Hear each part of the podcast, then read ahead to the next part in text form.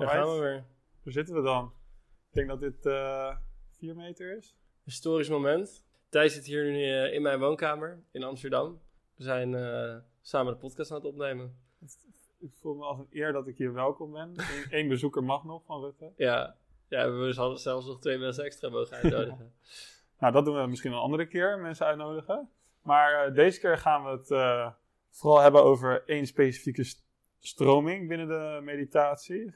Ja, ja we hebben even erover gehad om. Uh, het lijkt ons leuk om wat meer uh, een thema te behandelen in uh, afleveringen. We houden ook gewoon nog afleveringen waarbij we um, ja, wat meer actualiteiten bespreken. Maar vandaag willen we graag een thema behandelen. Ja, en dat is de stroming Vipassana geworden. Ja, dus er zijn natuurlijk meerdere stromingen binnen de meditatie die relevant zijn om te bespreken. Uh, maar dit is toch wel een stroming waarvan we allebei dachten, als we ergens beginnen, is dat dit een goede. goede. Ja, en voordat we daar weer over beginnen, willen we het gaan nog even hebben over hoe eigenlijk nou al die stromingen zijn ontstaan en um, ja, hoe het komt dat er zoveel verschillende stromingen zijn en nog weer een stapje weer terug. En um, nou, wij denken dat er ook wel een verbinding is met religie, althans. Marijn wil daar graag ook nog een paar dingen over delen. Ik wou net gaan zeggen, daar wil jij toch niet over zeggen, Thijs? Nou, kom maar door met de intro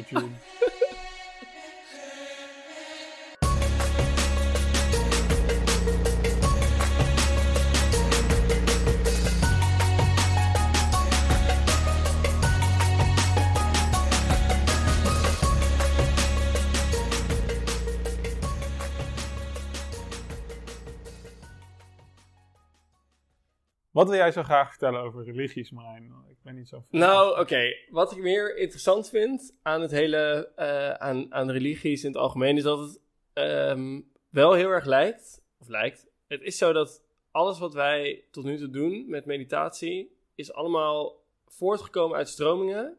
die weer voortgekomen zijn uit religie. Ja. Dus waar je in het boeddhisme is bijvoorbeeld Dzogchen en Vipassana is daaruit voortgekomen. Ja, als meditatie. Okay, boeddhisme zou ik nog niet eens heel erg een religie noemen. Uh, maar ga, sorry, ik, ik, ga je nu al onderuit halen. ik ga eens verder.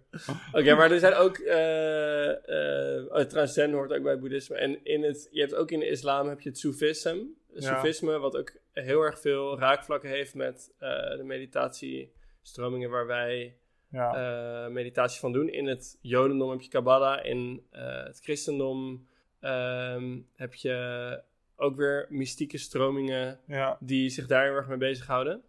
Um, dus ik vind het meer gewoon interessant om te zien dat um, ergens zitten er, wat mij betreft, best wel negatieve kanten aan uh, een religie. Met name in, zeg maar, dingen geloven die niet zeg maar, bewij te bewijzen zijn, ja. maar ook niet te ontkrachten. Ja. Uh, en dat je daardoor altijd tegenstellingen krijgt. En, en dus ook een soort van dat mensen die het ene aanhangen, de andere gaan veroordelen. Maar ik vind het wel interessant om te zien dat eigenlijk alle stromingen wel voortkomen uit een soort.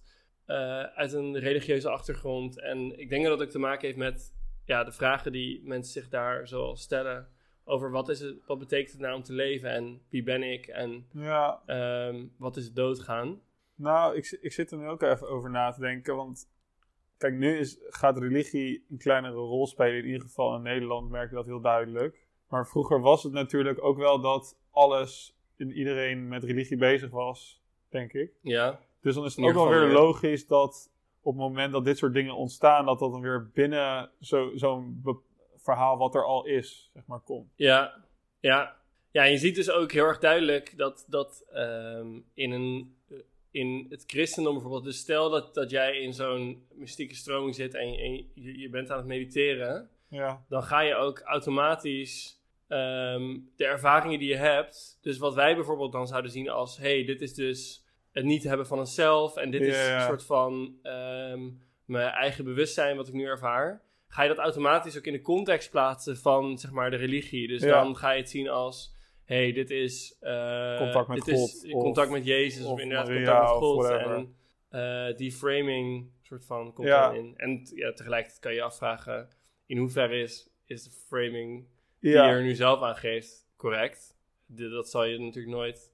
Maar de- dat verhaal wat je erbij verzint, ehm, dat is automatisch Maar- gekoppeld aan, aan, je verhaal, er- aan, aan het verhaal dat aan je verteld wordt. En zou jij dan denken dat, dat het ook zou hebben kunnen ontstaan zonder religies?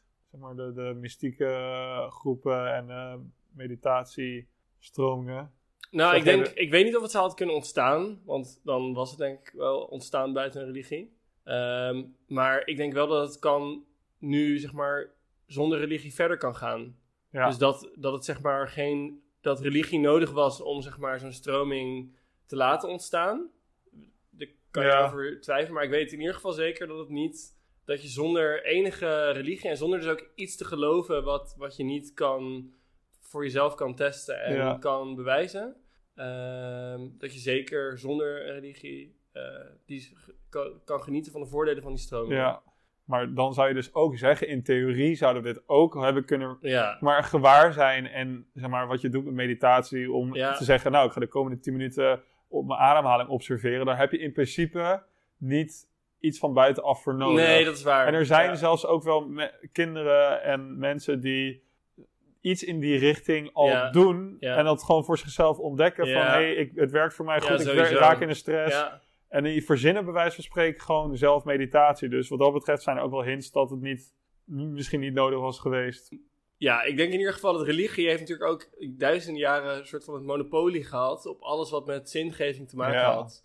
Dus als Ja. jij zeg maar iets ervaarde, ook al had je dat zelf ontdekt, je had zelf een meditatie bedacht, Ja. dan werd dat altijd door, Pastoor of whatever wie dan weer ja, dan werd het altijd als- gewoon ge- soort van geclaimd door het re- religieuze Ja. eh, frame van, van die tijd. Eh, Maar zou je, zou je nu zeggen dan dat we dat...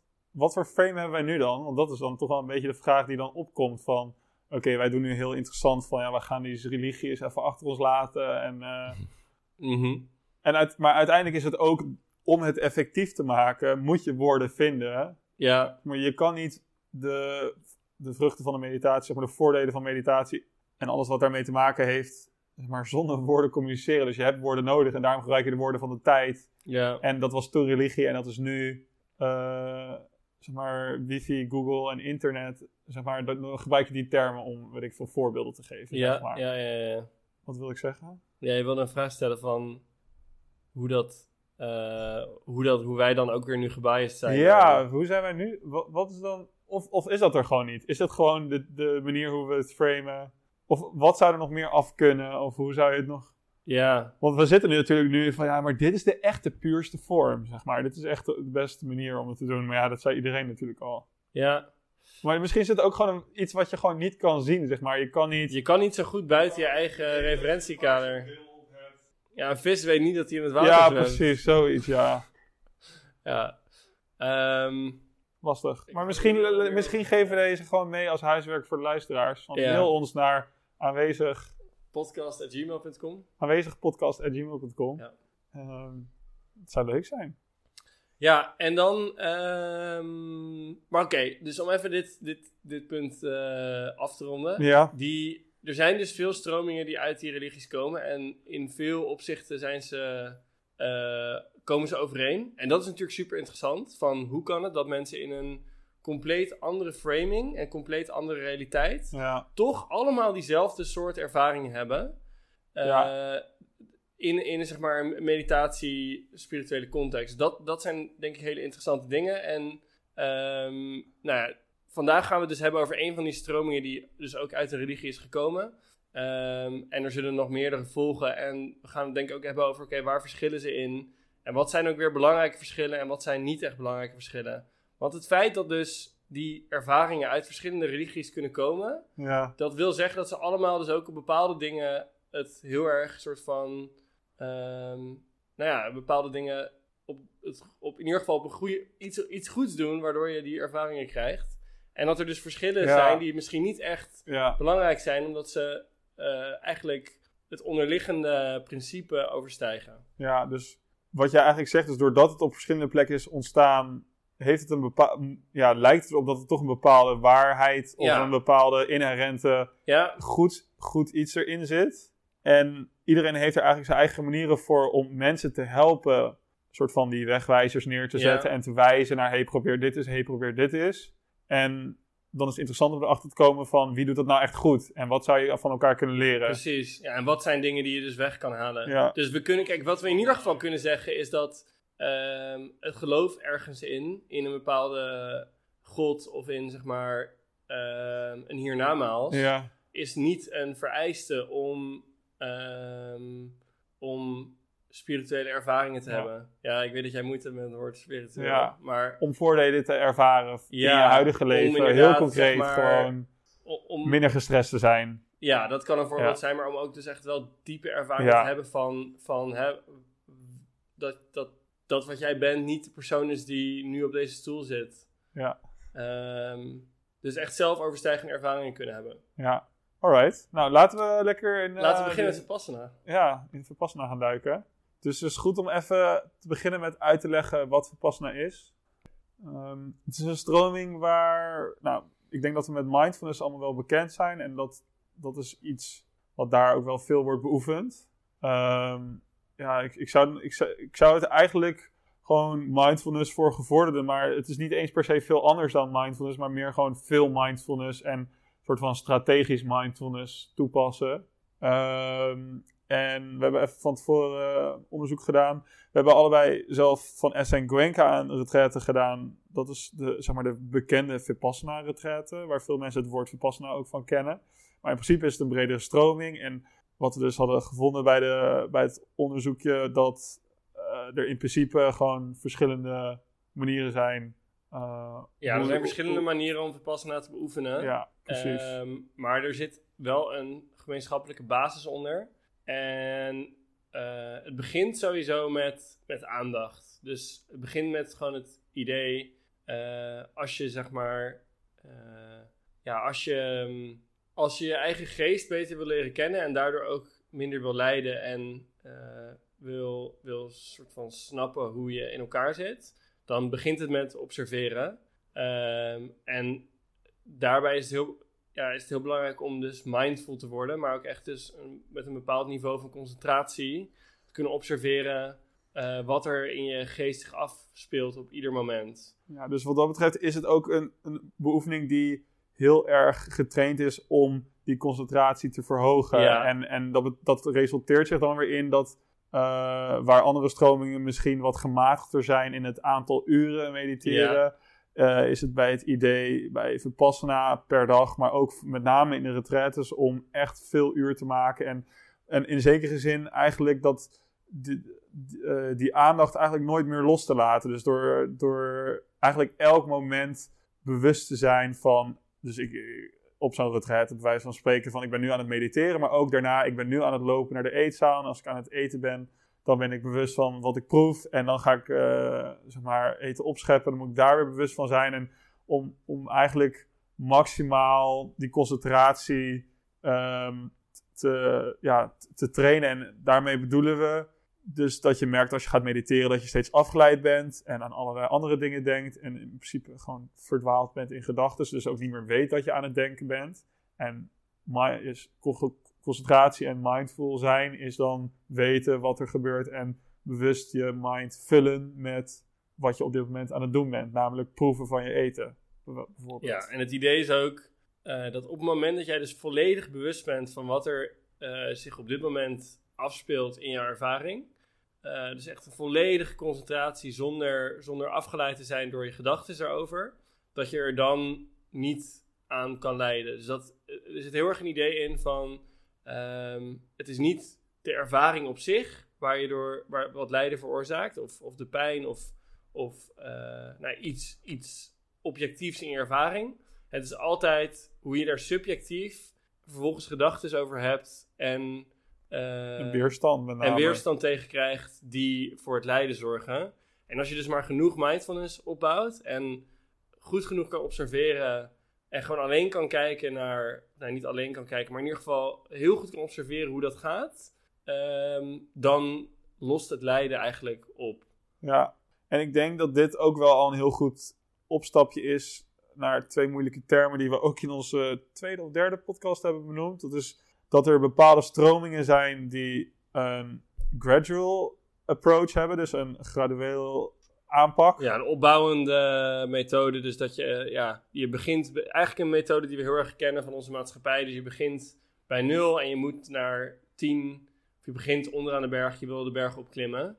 Ja, en dat is dus in, verge- in contrast met eh, de sudden approach, dus de opeens eh, aanpak. En dat, en dat is waarbij je meer zegt van, nou, dit moment is goed genoeg zoals het is. Mijn huidige ervaring en ik accepteer dit moment volledig. En ik ben ook op dit moment al verlicht en ik Ja, ontspan in mijn ervaring. En ehm, ja, bij zo'n aanpak zou je dus veel minder, zeg maar, echt uren moeten mediteren. En bij de gradual approach, waar, waar Vipassana dus invalt, is juist het idee om eh, op te bouwen, op te bouwen. En eigenlijk ja, ben je een berg aan het beklimmen en bovenop die berg is er eh, verlichting. En ehm, om zo ver mogelijk te komen, moet je blijven trainen en dat nooit die concentratie loslaten. ja. en eh, wel goed om even te benoemen. jij zegt net van, hè, in die, in die Sutherland-methode, Ja. daarbij zou je minder moeten mediteren. Maar dat is ook wel een valkuil van, van de Sutherland-methode. Is dat, dat je dan eigenlijk, dat, dat, dat iemand, dat je het zeg maar tegen iemand zegt die super erg aan het lijden is. Van, hé, hey, je bent al verlicht, er is niks te bereiken. En dat diegene dan zegt, oké, en dan vervolgens eh, niet meer mediteert en dan gewoon doorgaat met, eh, met lijden. Dus het ligt iets complexer dan wat ik net zei. ja, dat wat ik Ja. zeggen. Ja, en, Ja. En, en zo zitten er ook valkuilen aan de gradual approach. Maar in ieder geval is Vipassana een van de eh, stromingen die in de gradual approach valt. Het is echt wel jammer dat we hier nog niet echt een lekker Nederlands woord voor hebben. Gradual approach. Ja, opbouwend, Opbouwende. Ja, ja oké. doelgericht. Een soort van, nou, dat is ook nog niet helemaal het goede woord. Nou, mocht je er een goed woord voor hebben, Ja. mail ons naar aanwezigpodcast.gmail.com. Ja. Ehm, Ja, nou, m- misschien is het goed om even te vertellen hoe we zelf ook die Vipassana hebben ervaren. ja, want ik heb twee keer een retraite gedaan. Een tiendaagse Vipassana retraite. En dat is dan onder... Dus dat noem je dan van SN Gwenka. Dus eh, de Gwenka is de meneer die dat... Zeg maar, een beetje de guruhood die erin zit. Maar Ja, in ieder geval, dus de, de, je hebt dan weer verschillende Vipassana-stukken en Gwenka is daar één van. ja, En hij heeft het in ieder geval heel erg groot gemaakt hier in het... in het westen. In het westen. En ook wel in het oosten is het ook heel groot. Ja, En jij hebt er één gedaan. ja, ik heb ook een tiendaagse gedaan. Ja, Twee ja. jaar geleden. dat is al langer geleden. Drie jaar geleden. Ja, precies. Eh, dat weet ik omdat ik het op twee jaar eh, geleden zit. Ehm, hoe was dat? Hoe, hoe, hoe, hoe kijk jij daarop terug? Nou, het heeft voor mij... Sowieso is het echt wel het begin van mijn... ehm, het heeft wel echt veel deuren geopend. Als in... Welke Daar- deur? Nou, voor, voordat ik naar die retraite ging, mediteerde ik al wel veel. Tenminste, dan had ik periodes dat ik veel mediteerde. En dan ging ik 20 minuten op mijn ademhaling letten, s ochtends en 20 minuten s avonds. Maar ik had niet echt, een, ik had niet echt door soort van wat, ehm, wat meditatie me kon geven. Behalve dat het me rustiger maakte en Oh ja. dat ik beter kon omgaan met soort van stress en eh, dingen die, die spanning veroorzaakten. Ehm, en die tien dagen heeft voor mij wel echt laten zien van wow, gewoon door eigenlijk naar je eigen geest te kijken, kan je je hele ervaring kan veranderen. Terwijl er niet per se iets verandert aan de buitenkant. Ja. Eh, gewoon door op een andere manier te kijken, eh, zie je ook gewoon hoe eigenlijk je hele ervaring wordt gevormd door je eigen gedachten erover, door je gevoelens in je lichaam, door je weerstand tegen wat je ervaart. Eh, En dat je daar keuzes in kan maken. En dat op het moment dat je een bepaalde hoeveelheid concentratie hebt, daar ook wel echt in kan sturen. Ja. ehm, Ik vul het even in, maar ik denk ja, dat ik- dat iets ook iets is wat jij hebt. Fijn dat je het even... Nou ja, ik weet het niet. ehm, nee, ik herken het wel, ja. ja. Oké. Ja, en ik moet ook wel zeggen, ik ben ook wel echt tegen veel, veel... eh, ik ben ook wel echt in een valkuil terechtgekomen na, Ja. na de eerste Vipassana. Oké. Eh, dus gewoon, ik, ik ben echt de klassieke valkuilen ook ingegaan die, die erbij horen. dus misschien wel interessant om zo meteen even over te hebben. Ja, ik, we kunnen het nee, ook nu wel even bespreken, maar... ehm, nou ja, de, de, de valkuil heel erg van eh Vipassana is dat je ehm, dus heel erg gaat geloven in het idee van... Ik ben een berg aan het bewandelen en ik moet, ik moet naar boven. Ja. En ehm, ik ga gewoon keihard, zeg maar, ik moet harder mediteren Ja. om er te komen. Dus Zo hard, En- hoe harder en- je je best doet, hoe verder En je als ik zeg maar mijn concentratie verlies, dan is dat echt iets ergs. En dan, dan moet ik zorgen dat ik hem zo snel mogelijk weer terugkrijg. Maar dat is ook juist wat je aan het beoefenen bent, want het gaat ook veel over gelijkmoedigheid.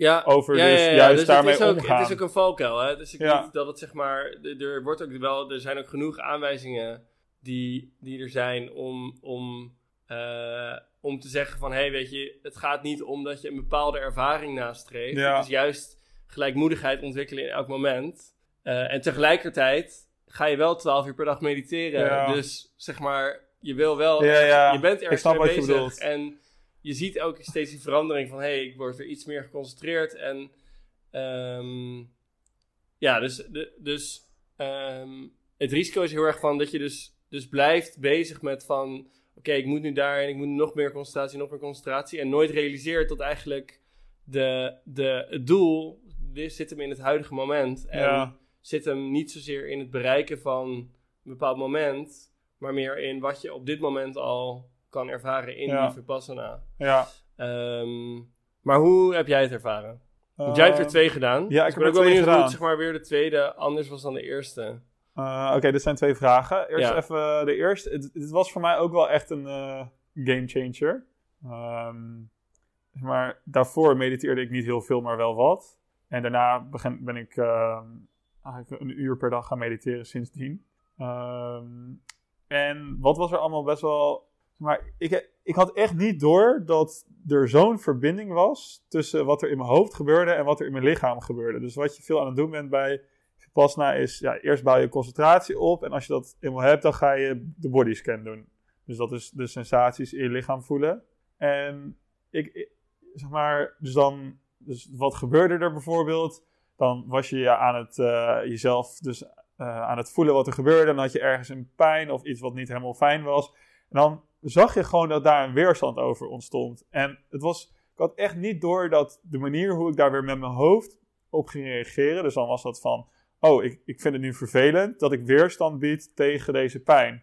En dan, en dan, maar dan lukt het me nu niet om dat weer los te laten. Dus dan ging ik dat weer vervelend vinden. Dus ik merkte heel snel dat ik soort van helemaal mezelf aan het gek maken was van, oh, ik heb weerstand tegen de weerstand van de weerstand. En dat je dan weer realiseerde van, oh, maar dit, dit kan ook niet de bedoeling zijn.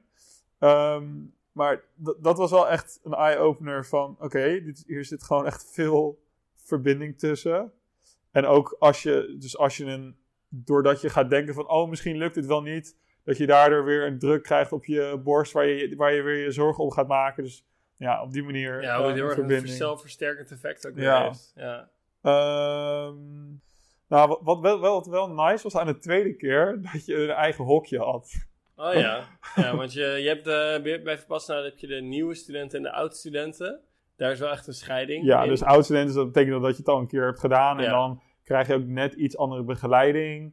En Moest je nou ook op een harder bed slapen? Nee. Want ik- dat heb ik ook ergens gelezen. Dat je dus, als je de eerste keer komt, dan mag je nog op een lekker bed, zeg maar, boven de grond slapen. En de tweede keer... Nee, dat was hier niet. Het was eh, juist dat je met minder mensen op de kamer zat. Ja. Ehm, en als voordeel is dat je je eigen hokje had. Dus dat je dan in theorie dus meer geconcentreerd zou zijn. Ehm, ja, ik, ik zou wel zeggen... Het klinkt een beetje klassiek, maar jezelf tegenkomen.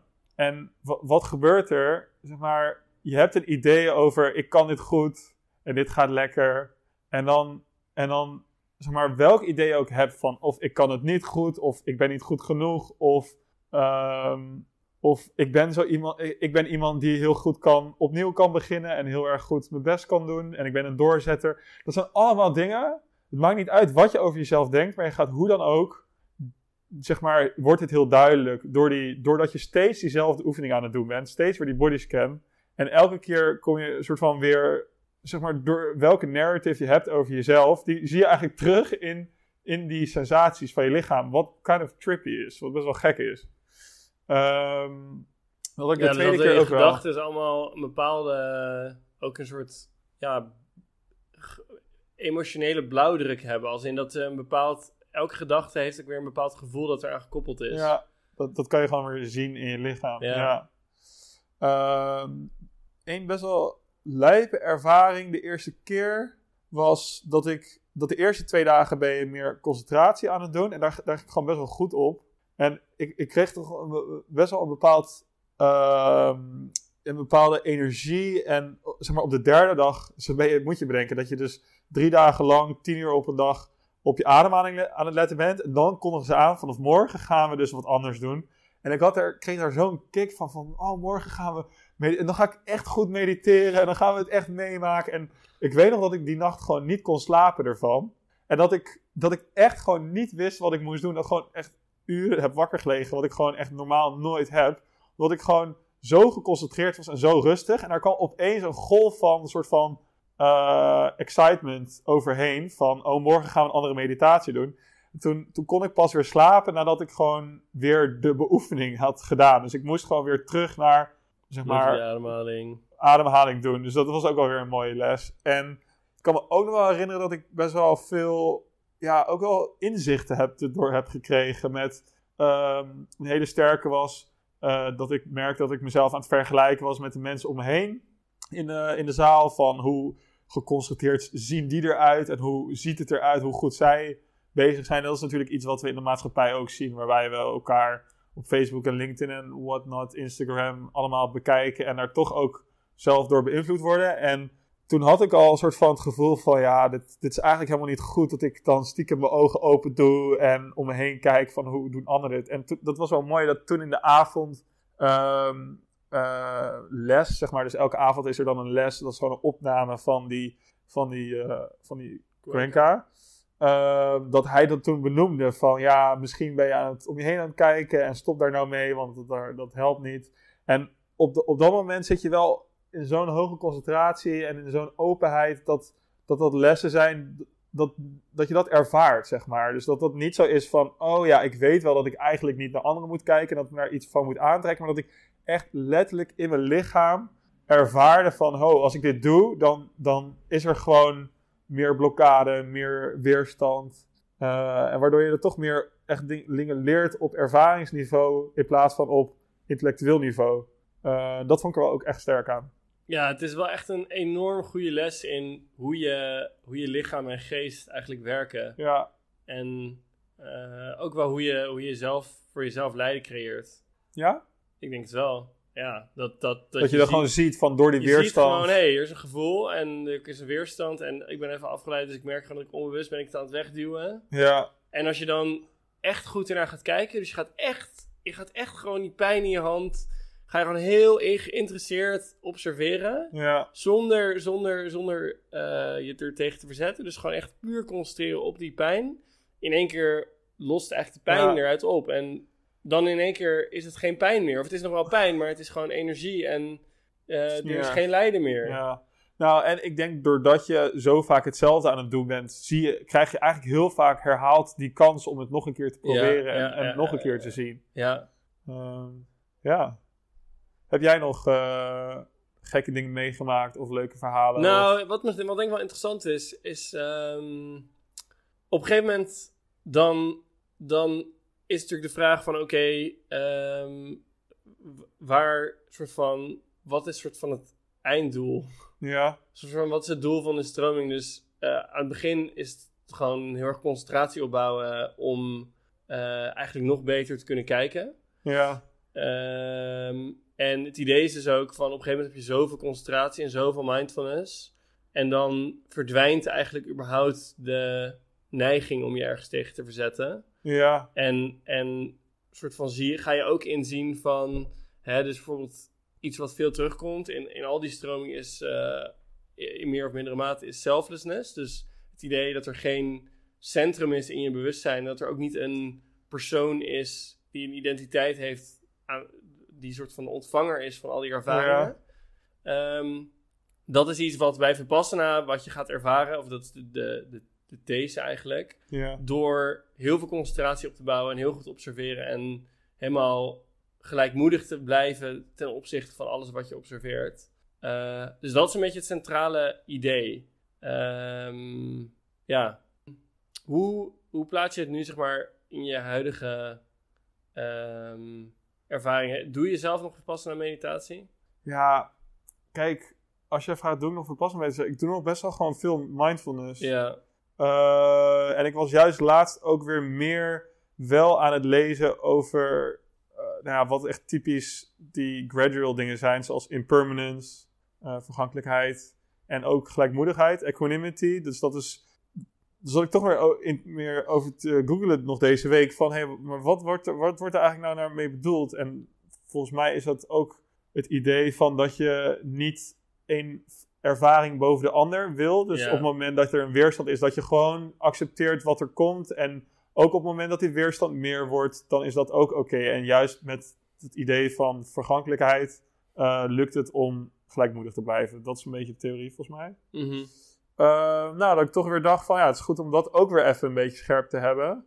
Waarom is dat zo? Ja, nou ja, ik denk dat we allebei wel veel ook Dzogchen doen, dus dat er wat meer sudden is. Maar ik zie toch ook gewoon heel veel voordelen wel van mindfulness. En wat sudden, die, dus de sudden approach, de Dzogchen is een soort van meer, oké, je bent er al en ehm, ontspan. En ik denk dat dat heel sterk is. Tegelijkertijd denk ik dat er heel erg veel situaties zijn in het dagelijks leven die gewoon echt mindfulness behoeven. Zeg maar, wat ik ermee bedoel is gewoon heel erg veel verbeteren met behulp van mindfulness. En niet zozeer.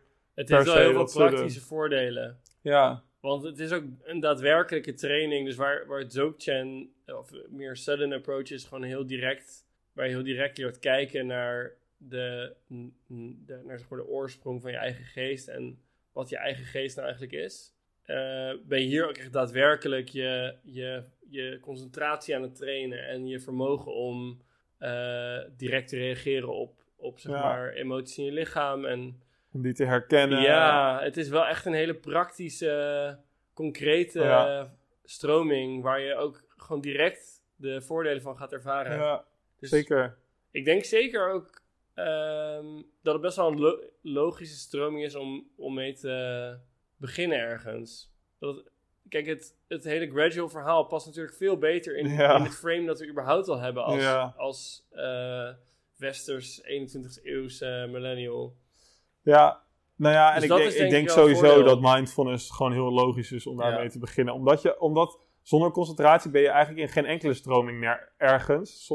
Je bent nergens zonder whatever. Je, bent, je hebt sowieso concentratie nodig. ehm, omdat het uiteindelijk allemaal oefeningen zijn om juist weer te spelen met, of, die, of de richting te sturen van die aandacht. Dus gewoon daar even gewoon kilometers maken met, hey, hoe werkt dit eigenlijk en wat Ja. is dit? En een soort van iets meer ook termen kunnen plaatsen en, en gewoon ervaring maken met, hey, het werkt echt niet om weerstand te bieden. En Nee. dat is echt iets wat op het moment dat het me lukt om die weerstand los te laten, dat, dat, dat het er beter van wordt. Ehm, dus ja, ik zou ook zeker zeggen voor iedereen die, eh, die zo'n retreat eh, interessant vindt, ga het vooral doen. En ehm, het is echt geen weggegooide tien dagen. Ik hoop dat dat genoeg motivatie biedt om jezelf, dit, jezelf over een streepje te trekken om dit te gaan doen. Ja, en wij hebben er dus eentje gedaan van Goenka. Ja, En dat is niet echt toeval. Ehm, want hij heeft het voor elkaar gekregen, denk ik. Of tenminste die organisatie. Want inmiddels, Goenka zelf leeft natuurlijk niet meer. Of leeft niet meer. ja, Eh, hij heeft het voor elkaar gekregen om een organisatie op te bouwen die, die wereldwijd overal retraitecenters heeft. En eh, daarmee enorm veel mensen helpt om, eh, om te leren mediteren. En om een uh, retreat eigenlijk kan aanbieden. Mhm. Waar, nou, het is echt ongekend eigenlijk hoe Ja. groot die organisatie is geworden. En hoeveel van die centra er zijn. Ja, ik denk ook niet dat er een, een eh, vergelijkbaar iets bestaat wat zo groot is en zo wereld, eh, wereldbreed is. En wat ook echt bijzonder is, dat die gewoon allemaal hetzelfde zijn. Ja. Maar je hebt natuurlijk, het is een andere plek, ander klimaat, andere locatie, maar eh, qua inhoud ehm, zijn er dus bandopnames, dus een soort van ja. geluidsopnames en ook videoopnames van Gwenka. En dus iedereen die dat doet over heel de wereld krijgt dezelfde ervaring. Ja, en de draaiboeken, je merkt gewoon dat Ja. de draaiboeken zijn allemaal, zeg maar, overal Het, hetzelfde. het hele programma, gewoon van wanneer- tot welk, Van welk minuut uur tot uur. minuut. Echt, Ja, van alles, minuut tot minuut, ja. alles is, zeg maar, al van tevoren bepaald. En als je dus ook als vrijwilliger daar meedoet, ik heb dat zelf niet gedaan, maar ehm, ik ken wel mensen die dat hebben gedaan en ook wel wat mensen gesproken, dan er is gewoon, er wordt gewoon, er worden gewoon stappen verteld van oké, doe die dit, doe die dat, doe dat. Dus alles is tot in de puntjes georganiseerd en heel erg gestandaardiseerd. Ehm, en ik vind het ook heel mooi wat voor model ze hebben qua eh, financiën. Ja, Dus als je meedoet aan een retraite, dan wordt er eigenlijk tegen je gezegd van... Oké, voor jou is deze retraite al betaald door iemand anders. En als jij wil dat iemand anders, dat de volgende persoon het eigenlijk ook kan doen... dan kan je een donatie doen voor je deelname. Maar er is dus niet een... Zeg maar, tien dagen krijg je gewoon eten, onderdak, eh, lessen, eigenlijk alles. ja. En er, wordt niet, er is niet een bepaald bedrag dat ervoor wordt gevraagd. Nee, het is gewoon helemaal vrij. Ja, En tegelijkertijd vindt natuurlijk iedereen het heel moeilijk om daarmee om te gaan. Van, oh, maar hoeveel geld moet ik dan geven? ja, maar ja, ja, ja. Het, is wel, het, is, het is natuurlijk wel ook weer een heel mooi iets dat... Maar drie jaar of twee jaar geleden dat ik het heb gedaan... zou ik misschien een bedrag wat het kost niet kunnen betalen... of niet willen betalen of niet durven betalen aan het begin... om te zeggen, oh, het is natuurlijk best een stap om zoiets te gaan doen... en als het dan eh, 700 euro is of eh 1500... dan is het natuurlijk nog moeilijker. Ehm, maar volgens mij wilde jij gaan vragen... hoe kan het nou dat het zo groot is geworden? ja. Hoe, hoe, hoe, Nou, ik denk dus dat, dat dit financiële systeem Ja? is, daar een, is daar een onderdeel van. Ik denk dat standaardisering is ook een onderdeel daarvan. Omdat je dus die kwaliteit kan soort van garanderen. En je voorkomt dat het zeg maar allemaal op zichzelf staande eh, centra worden die hun eigen dingen gaan doen. Eh, daardoor hou je zeg maar één, echt, echt één organisatie. Eh, ik denk hoe ze de leraren uitkiezen, daar weet jij geloof ik meer, meer over. Maar dat het ook, dat het ook volgens, nou in ieder geval heel erg bij die leraren ook zo is dat ze, dat ze heel erg ook het systeem van Goenka moeten willen volgen. Ja, Ehm, dus het is eigenlijk ergens een soort militaire organisatie bijna. ja. Nou, dat is ook wel de indruk die ik krijg. Dat, ik zou het woord dogma hier wel willen plaatsen. Van, ze zijn, het is een dogmatische groep die heel erg, ja, bijna weer als een religie, zeg maar, functioneert. En, en zegt van, wat wij doen is goed. En alles wat ervan afwijkt is, is niet, de, niet wat wij doen. En dus niet dat ze het veroordelen, maar ehm, ik, ik wilde daar... ehm, ik wilde daar ook wel gaan vrijwilligen. En toen, weet ik veel, er zijn allemaal hele strenge regeltjes. En eh, daar wordt niet zo snel van afgeweken, bijvoorbeeld. Nou ja, dus, maar, maar daarnaast, ik, het is toch nog steeds wel een interessante vraag. Van hoe komt het nou dat het zo groot heeft kunnen worden? Ehm, ik denk dat het ook ergens, ja, toch wel weer door die standaardisatie een heel, heel erg, ma- ja, mak Kijk, er, is, wordt geen reclame voor gemaakt, dus dat is ook weer zoiets. Het is allemaal mond op mond. Ja, Maar het is ergens ook wel heel makkelijk om uit te leggen van ik heb tien dagen gemediteerd. En nou ja, het, het programma is vrij eh, ook weer gestandaardiseerd. Ook vrij makkelijk om over te vertellen. ja, ja. En omdat er dus ook omdat het zo gestandaardiseerd is en omdat er overal van die retretes worden georganiseerd. En, en jij gaat erover nadenken om een retraite te doen. Dan kom je heel snel uit bij mensen die dus al een Goenka retreat hebben gedaan. En iedereen, dus iedereen Ja. kent wel weer iemand die er iets over kan vertellen. Maar dat, wat je nu bedoelt te zeggen is, doordat het groot is, is het groot. ja, dat dat is een niet- netwerkeffect. Ja, dat is natuurlijk wel. Doordat dat het, ja, Ja, het was ooit kleiner en het wordt nu steeds groter doordat... ja groot is. Net als met iets als Uber. Als meer mensen, als meer taxichauffeurs het gaan gebruiken, dan is het aanbod groter. En dus Ja. groeit weer het aantal mensen dat het gaat gebruiken. En dus groeit weer het aantal taxichauffeurs die dat Ja, doen. dat is dus ehm, dat is hier ook een beetje het geval, Ja. denk ik. En omdat ze zo'n militaire organisatie hebben, hebben ze dat ook allemaal in goede banen kunnen leiden. Ehm, en kunnen ze, wel- kunnen ze gewoon niveau leveren, blijven leveren. precies. Ja. Ja. Ja. Dus wat dat betreft vind ik het wel echt een, ja, vrij fascinerend dat het gewoon zo groot is geworden. En tegelijkertijd, zeg maar, ben ik zelf niet zo van die dogma en van, ehm, van die draaiboeken en van, maar draai, is niks mis met een draaiboek, maar met name die, de- zeg maar, de regeltjes en het vrij, vrij eh, narrow-minded. Dus heel erg specifiek van dit is hoe we het doen en punt. Ja, en het, het zorgt in ieder geval voor dat het heel moeilijk is om verbeteringen Ja, eh, door te voeren op basis van bijvoorbeeld cultuur of op basis van ehm, nou, dingen die over de tijd heen duidelijk zijn geworden dat het ook nog op een andere manier Ja, dus kunnen. bijvoorbeeld die, die videobanden van eh, die videoopnames, die zijn gewoon van slechte kwaliteit. En er zijn ook, ja, de manier van praten, het is, het is verouderd. Er worden, zeg maar, seksistische en Nou, ik, ik, ik weet het ik durf het niet allemaal te benoemen, maar het is gewoon niet helemaal meer van deze tijd op Ja. sommige delen. En, en ehm, op het moment dat je ideeën hebt over hoe het beter zou kunnen, dan ja, wordt dat wel lastig om echt in de inhoud te gaan snijden. En ergens denk ik, is dat, ja, is dat toch ook weer wat het groot heeft gemaakt. Ja. Want anders dan, weet je wel, krijg je weer een oneindige bijna politieke discussie over, nee, we moeten zo meditatieles geven, nee, we moeten zo meditatieles geven, dan valt het uiteen. En nu is het gewoon, dit is waar we op varen, dit is wat Ja. we doen. En je doet mee als je het leuk vindt en anders dan, dan haak je af. En doordat het ook juist dat, dat die gradual approach, doordat het eigenlijk de inhoud al zegt van je moet het meer doen, hoe meer je doet, hoe beter het is, is het ook een stroming die daar, zich daarvoor leent om te zeggen van hey, kom voor langere tijd bij ons en dit is soort van en blijf dit doen voor altijd, zeg maar. Ja, En tegelijkertijd zegt Goenka ook een keer van ga vooral kijken naar andere stromingen. En- maar kom dan wel weer terug ja, bij Goenka. maar komt dan wel weer terug. Nou, hij zegt vooral volgens mij van kies er op, dat, kies er op een gegeven moment één. Want de hele tijd blijven snabbelen aan allerlei eh, spirituele eh, stromingen werkt ook niet. Dan kom je Nee. ook niet verder. En daar heeft hij gewoon gelijk in. Ik denk Ja, dat dat ook een ja, valkuil ja, is waar mensen in vallen. Dat ze heet het maar eh, weer wisselen. Nou ja, misschien valt het mee hoeveel mensen dat doen. Maar dat is natuurlijk ook iets waar je in zou kunnen vallen. Ja, Ja, ik denk dat het al wel een aardig beeld geeft van ehm, wat Vipassana is. Zijn er nog dingen die jij daarover, zeg maar bijvoorbeeld, om nog, ik denk misschien is het goed om nog heel eventjes de, de valkuilen wat algemeen te bespreken. oké. Ehm, zijn er dingen die jij daar nog over wil, die, die jij hebt meegemaakt waarvan je nu denkt van, hé, hey, als ik dat eerder had geweten, voordat ik zo'n retreat had gedaan, dan was dat echt fijn geweest. Dus ik kan me voorstellen dat er mensen zijn die luisteren die het overwegen. Nou, ik, ik denk dat is iets wat je ook bij an- misschien bij andere stromingen ook wel hebt, maar wat ik bij Vipassana best wel veel zag, is dat mensen het echt doen voor de ervaring en denken van, oh gaaf, nu mag ik een keer tien dagen mediteren. En in zekere zin, wat we hebben beschreven, het is best een veranderende ervaring.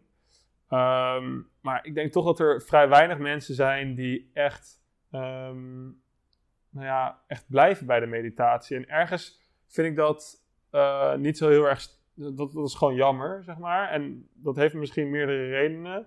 Ehm, mensen gaan van tevoren al erheen met: ik wil het gewoon proberen en mezelf tegenkomen. En oh mijn god, ik heb tien dagen gemediteerd, wat gaaf. En laten het daarbij. Tegelijkertijd ehm, is er eigenlijk geen begeleiding of. dus, er zijn wel groepjes waar je kan aansluiten. In sommige steden in Nederland bijvoorbeeld. Die dan één keer in de week samenkomen om te mediteren. Maar er is wat dat betreft niet echt een, een community om. Of er, ik, ik, ervaar, ik ervaarde daar weinig community om bij aan te sluiten. En ik denk dat, denk dat dat gewoon iets is waardoor het lastiger wordt om vol te houden aan wat ze daar aanbevelen. Want wat ze eigenlijk zeggen aan het einde is: ga maar elke dag een uur in de ochtend en een uur in de avond mediteren. En dat is gewoon eigenlijk niet echt zo realistisch. Of nou, eigenlijk niet realistisch, laten we eerlijk over zijn. Dat is gewoon ehm, best wel hoog, hoog gegrepen. Voor jou dan. Ja, voor mij. Ik snap dat alle luisteraars daar al lang mee bezig zijn, maar voor mij is dat gewoon best wel veel. Ehm, en dat ze daar ook niet, omdat ze dogmatisch zijn, daar niet echt van afwijken. En daardoor ook niet echt behulpzaam zijn in het, hey, wat goed dat het lukt om elke dag een kwartier te mediteren. Ze zullen altijd zeggen, nee, je moet een uur in de ochtend en de avond mediteren. En ja, dat is gewoon didactisch niet Ja, dus eigenlijk is, is de, de tip dan ook van, pas het, durf het ook aan te passen aan jouw eigen leven. Ja. En, en dat het ook heel erg helpt om eh, te kijken of je kan aansluiten bij een groep mensen eh, die mediteert. Ja. Omdat dat heel erg helpt om die gewoonte vervolgens op te bouwen. Ja, dus ik zou zeggen, ga die tien dagen wel in met gewoon helemaal open van, hé, hey, wat wordt hier gezegd? En zeg maar, durf, ja, durf gewoon open te staan en in geïnteresseerd te zijn in wat ze daar uitleggen. En daar doen ze ook wel claims over, zeg maar, over metafysica, dus over zeg maar, dingen waar je eigenlijk geen claims over hoeft te doen, zoals reïncarnatie, et cetera. Ehm, maar ga juist weer na die retraite echt meer vriendelijk zijn voor jezelf en kijken van wat kan ik hier nog mee. En ehm, ja, ik denk dat dat wel, dat wel een betere houding is om, om echt op lange termijn nog met meditatie bezig te blijven. En bl- blijf vooral ook luisteren naar podcasts over meditatie. Ja, dat is heel belangrijk. Ja. Die, dat, dat vooral. Ja. Wat denk jij? Wat, eh, wat voor dingen zou jij mensen willen meegeven? Of valkuilen die er zijn. Misschien valkuilen die mensen ook wel zonder zo'n uh, ook wel ervaren. Nou, ja, dat is, dat is wel een goede vraag inderdaad. Ik denk... Um, um, uh, Joseph Goldstein is een uh, hele bekende Amerikaanse Vipassana-leraar. Ja. En die vertelde um, dat hij heeft op een gegeven moment, toen hij begon met Vipassana... Uh, wat je merkt vaak is dat als je dat een tijdje doet, op een gegeven moment worden de sensaties in je lichaam worden fijner. En in ieder geval subtieler en prettiger, omdat je je aandacht erbij houdt. En wat, wat eerst maar, begint als iets heel erg grofs, als iets heel erg pijn, een soort van heel erg zwaar gevoel bijvoorbeeld. Naarmate je meer mediteert, verandert dat, dat je steeds subtieler eigenlijk je lichaam begint te voelen en steeds lichter. Uh, over het algemeen. Maar hij zei bijvoorbeeld dat op een gegeven moment uh, was dat dan even weg. En is hij nou ja, jaren bezig geweest, echt puur met gewoon proberen om terug te komen bij een bepaald gevoel. Um, en dan, tuurlijk is tegen hem ook gezegd van het gaat niet om een bepaald gevoel, het gaat om gelijkmoedigheid. Maar ergens zit er ook wel in van, oké, maar als je het meer doet, dan ga je, gaat het steeds subtieler worden en hoort dat erbij. Um, dus ja, probeer niet uh, soort van, word er bewust van dat als je eenmaal positieve gevoelens hebt, die wel of niet door de verpassing veroorzaakt wordt, probeer er niet aan vast te klampen, maar gewoon elk moment weer opnieuw te kijken naar wat zich afspeelt in je ervaring. Ja, ik, dat, dat, is natuurlijk de oefening en de tip. Dat is idealiter wat je zou doen. En natuurlijk is het ook logisch op het moment dat het fijner wordt, zeg maar, dat het een prettigere ervaring wordt om dat te prefereren. En dat is juist wat je beoefent met met gelijkmoedigheid om daar, um, daar van ja, ons eerder nog in te ontspannen. En ik denk dat je sowieso hierin wel een best interessante paradox binnen de meditatie aanspreekt. Namelijk dat je aan de ene kant een doel hebt, namelijk, nou ja, je zet tijd, zeg maar, je, je, je, je investeert tijd. Dus je wil in zekere zin ook dat het iets oplevert. Uh, en tegelijkertijd moet je, terwijl je eenmaal aan het mediteren bent, loslaten dat je iets wil veranderen en het huidige moment accepteren. juist het loslaten dat vervolgens uh, ervoor zorgt dat je, dat je je prettiger gaat Ja, precies. Dus dat, dat, dus dat is iets wat binnen deze uh, retreat of deze stroming past, maar net zo goed gewoon iets is wat, wat wel voor iedereen geldt eigenlijk. En, en wat dat betreft is ook gewoon de eerste stap lekker observeren en ervaren en misschien ook gewoon in die valkuil trappen op het moment dat je daar de neiging toe hebt. Ja. En dan gewoon zien. En, en dan kom je, dan kom je er vanzelf En dan daar weer bewust van zijn en gelijkmoedig proberen over te zijn. Ja, als dat niet lukt, dan probeer je daar weer gelijkmoedig ja, over te zijn. Ja, want uiteindelijk over al dingen, het is ook meditation practice. Het is een oefening. En je, je, kan het, zeg maar, daarom ben je het juist aan het doen om het te oefenen. En, um, nou ja, dingen herkennen en daar iets mee doen. Dat is een beetje wat je probeert. ja. Dan uh, heb ik zo het gevoel dat wij alweer richting het einde van deze podcast gaan. Ja, ik vond. Um, nou, dit was dus de eerste keer dat we echt een thema bespraken. En ik merkte wel dat ik er minder op werd uitgedaagd om echt te graven in wat mijn, wat mijn ervaring is. En wat dieper te denken. Dit was toch meer ook een beetje meer een verhaaltje dan een. Uh, dan echt praten over wat meditatie op dit moment is voor mij. Ja, ja, ja. En dat is misschien ook wel omdat we Vipassana ligt voor ons allebei. Zijn we nu toch minder echt met die stroming. We kijken er toch meer vanaf een afstandje naar. Ja. Uh, als ik in ieder geval naar mezelf kijk. Ik, op dit moment merk ik voor mezelf dat ik heel erg wordt naar, naar Dzogchen toe wordt getrokken. En in ieder geval naar een soort van directe, directe stromingen. Ehm, maar tegelijkertijd, ik herken wel wat je zegt. Tegelijkertijd vind ik het ook wel waardevol om gewoon even helemaal met frisse ogen te kijken naar iets wat in mijn hoofd misschien al, wat ik al ergens een beetje had afgesloten, maar waarvan toch ook wel weer heel veel positieve kanten zitten. En, en die me ook echt wel heeft gevormd tot de persoon die ik nu ben. Ja, nou, dat zijn best mooie woorden om mee af te sluiten. Laten we het daarbij houden. Alright. Tot de volgende keer. Ja, en laat een review achter en mail ons en whatnot. Succes.